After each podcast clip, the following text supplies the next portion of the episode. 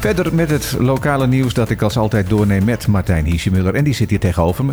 Ja, en eh, het wordt nog steeds niet eentonig, hè? Nee, het blijft gezellig. Het blijft gezellig. We beginnen met een raadsvergadering die gisteren zou plaatsvinden, maar die niet doorging.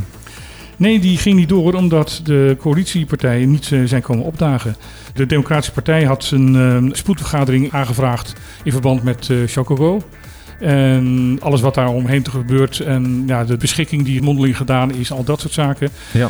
En ja, de coalitiefractie is dus gewoon niet komen opdagen. ja, dat ging om die beslissing van de gezaghebber om eh, gedoogbeschikking te geven aan eh Chococo Resort om toch open te Om kunnen. toch per 1 over te kunnen en eh, het strand te kunnen aanleggen. Ja. En de oppositie is daar niet mee eens. En die wil graag weten, ook de rol van bijvoorbeeld van de gezaghebber wil ze da- daarin hebben. Daarom zat ook niet Reina de vergadering voor, maar Oriana de, De waarnemend de gezaghebber. waarnemend gezaghebber. Op zichzelf allemaal prima, maar de hele coalitie is dus niet komen opdagen. Inclusief, inclusief gezaghebber of, of was die wel gekomen? Die is, was er volgens mij wel. Oké. Maar Eh, die heeft geen stemrecht, hè? dus die hoort niet eh, bij, bij de bepalende vergadering. Ja, Die is alleen is een gast. al met al een hele discussie aan het worden. Ik zag op Facebook ook weer dat de gemoederen best wel eh, aan het oplopen zijn over dit onderwerp. Dat klopt. Elvis Tieneshoe heeft een verklaring afgegeven op Facebook.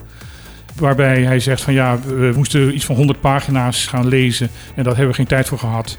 Op zichzelf is dat een argument wat nou ja, nog enigszins eh Hout snijdt. hout snijdt. Maar om dan gewoon niet te komen in plaats van eh, te zeggen, eh, kunnen we uitstel krijgen? Nou, de verklaring daarvoor is, is van dat Elvis zegt, niet alle leden van de coalitie waren aanwezig. Dus we waren bang dat wij dan, dan weggestemd zouden worden en dat er die vergadering dan toch eh, door zou moeten gaan. Eh, Clark Abraham zegt daarover van dat is onzin, want ik heb daar vlak daarvoor heb ik een eh, commissievergadering gehad met de hele uh, Engelsraad en daar was iedereen aanwezig.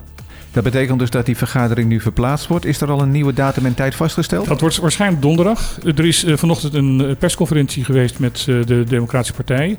Daar kon ik zelf helaas niet naartoe, omdat ik hiermee bezig was. Ja. Dus ik heb daar nog ge- geen uitslag van, maar daar zal ik morgen Komen we morgen op terug. We blijven indirect nog even bij de Chococo-zaak. Want de commissie Natuurbeheer Bonaire lijkt een steeds kleinere rol te krijgen. Dat klopt. De commissie is een onafhankelijke organisatie die eh, naast de- het bestuur is gezet en naast de overheid gezet is om onafhankelijk te kunnen oordelen over natuurvergunning aanvragen. Heeft dat ook nog iets met Stinapa te maken? Of Nee, dat heeft- staat er helemaal weer los Het van? staat helemaal er los van. Juist om echt onafhankelijk te zijn en alleen op de merites te kunnen beoordelen en geen politieke invloeden of, of dat soort dingen te Ja. hebben. En nu blijkt dat degene die uiteindelijk in de organisatie moet zeggen van het mag of het mag niet of het mag, mag onder die voorwaarden, in 2016 te zijn opgestapt en pas dit jaar te zijn vervangen. Oh, dat is vijf jaar later. Dat is vijf jaar later. En er zijn diverse sollicitatieprocedures geweest. En iedere keer werd dat gefrustreerd of uitgesteld. Of zo lang mensen in de wacht gezet dat mensen zeiden van... jongens, het hoeft voor ons er niet meer. Ja. Nou, uiteindelijk is er nu iemand aangenomen. Antilliaans Dagblad heeft een bron binnen de organisatie. Mhm. Die zegt van ja, wij worden gewoon constant gebruikt om eh, in naam de beslissing te nemen. Maar dan blijft een vergunning eh, iets van vier maanden bij de betreffende dienst in de OLB hangen. En op het allerlaatste moment krijgen wij het. En dan hebben wij geen genoeg tijd eh, om, om het te beslissen. En dan worden we overroeld. Dus eigenlijk een wassen neus geworden, die hele commissie Natuurbeheer Bonaire. Ja, en ook waar ook de plaatsvervangend rijksvertegenwoordiger op reageerde, Jan Helmond, is dat in 2019 ook iets zo gebeurd is als met eh, Chococo. Namelijk Ocean Oasis, die ook gewoon iets gaan bouwen zonder vergunning. Ook dat is met de mantel der liefde bedekt. En ook daar heeft deze commissie, die eigenlijk uiteindelijk de, de eindbeslissing zou horen te hebben, niets eh, in kunnen vertellen. Dus dit probleem blijkt veel structureler te zijn dan we dachten. Dus die commissie die moet weer goed op poten gezet worden. Ja, en ook de Raad van Restverhandhaving heeft al in 2019 gezegd: jongens, wat hier gebeurt kan niet. En er is niks gebeurd. Maar er moet nog wel wat gaan gebeuren dan. Er moet gezorgd gaan worden van dat dit weer in orde is. En dit is ook de overheid hier die dus dit gewoon met voeten treedt. Ja. Er gebeurt eindelijk, ja eindelijk kan ik toch wel zeggen, wat aan het wegennet op Bonaire. Er wordt overal gewerkt. Er wordt overal gewerkt. Iedereen die eh, over de KA Amsterdam heeft willen eh, rijden de afgelopen dagen... eh, heeft gemerkt van dat daar inderdaad hard aan de gang is. Ja, je, je denkt, het is een zandweg geworden. Ja, het is echt een soort, soort woestijn geworden. Eh KAI International gaat binnenkort aangepakt worden. Camino Lagoon gaat aangepakt worden. En KAI Gouverneur de Brot gaat aangepakt worden. Ik denk niet dat er overal alles wordt vernieuwd. Zoals dat nu wel gebeurt bij de KAI Nederlandia. Maar de slechte stukken worden uitgehaald en de fundering, het fundament blijft liggen. Ja, dat zie je dus ook op de Kei Amsterdam. Daar Ja. hebben ze met een soort asfaltschraper de bovenste laag grotendeels weggehaald.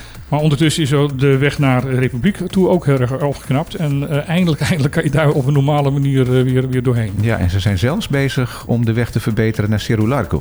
Ja. Die was ook heel erg slecht. Uh, zo slecht zelfs dat de tour operators niet meer met toeristen daar naar boven wilden. Nee. Nou, goed nieuws dus, er gebeurt wat. Dan ook minder goed nieuws. We zagen het al aankomen. De onderstand in Caribisch Nederland wordt voorlopig in ieder geval niet verhoogd naar 70% van het minimumloon. Nee, dat uh, blijft op 50% staan. De staatssecretaris uh, heeft gezegd van uh, ja, Nederland vervalt het prikkel om te, om te gaan werken. Wat natuurlijk een nonsens argument ja. is, want van die onderstand kan je gewoon niet leven, ook niet als 70% is.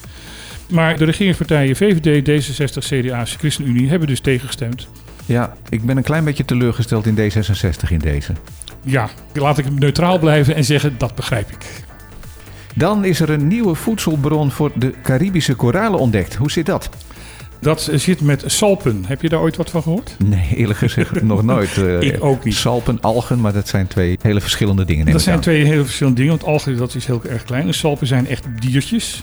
Gelei-achtige, tonvormige manteldiertjes die ook zich aan elkaar kunnen koppelen en dan een groepje kunnen vormen en zich dan met een soort uh, waterstroompje wat ze veroorzaken kunnen verplaatsen. Uh, en die voeden koralen? Nou, ze worden dus ingekapseld door koralen en daarmee verteerd. Oh, op die manier gaat dat. En dat is onlangs pas ontdekt? Dat is onlangs pas in uh, Curaçao ontdekt. En dat is een wereldwijde ontdekking. En dat staat ook in Nature Today, wat een heel belangrijk tijdschrift is voor, uh, voor natuuronderzoek. Ja. En het geeft een totaal andere visie op uh, hoe koraal zich voedt. Want we dachten altijd van dat het micro-organisme is omdat de mondjes van die koralen heel erg klein zijn. Maar nu blijkt dus dat één zo'n zo'n zo'n salp. zo'n salp vastgegrepen wordt door het koraal en door meerdere stukjes van het koraal wordt opgegeten. In ieder geval goed nieuws dus voor de koralen. Ja, want uh, de andere voedselbronnen zijn een beetje twijfelachtig geworden door alle milieuveranderingen en dat soort zaken. Maar salpen komen op dit moment juist heel veel voor. Kijken wat er op de langere termijn daarmee gaat ja. gebeuren. Tot besluit nog even het weer. Ja, uh, vandaag uh, zal er wel wat bewolking zijn, maar de kans op bui is uh, gering. Morgen is die kans een stuk groter, maar eigenlijk is niks zeker, want het is een hele rare ontwikkeling bezig. Ten oosten van ons is een wolkenfront zich in twee aan het delen. De ene komt onze kant uit, het kleinste gedeelte, en het andere gaat 180 graden de andere kant uit. Merkwaardig. Dat is zeer merkwaardig. Ja. Is, als je het ook op radarbeelden ziet, dan, dan ziet het er zeer apart uit.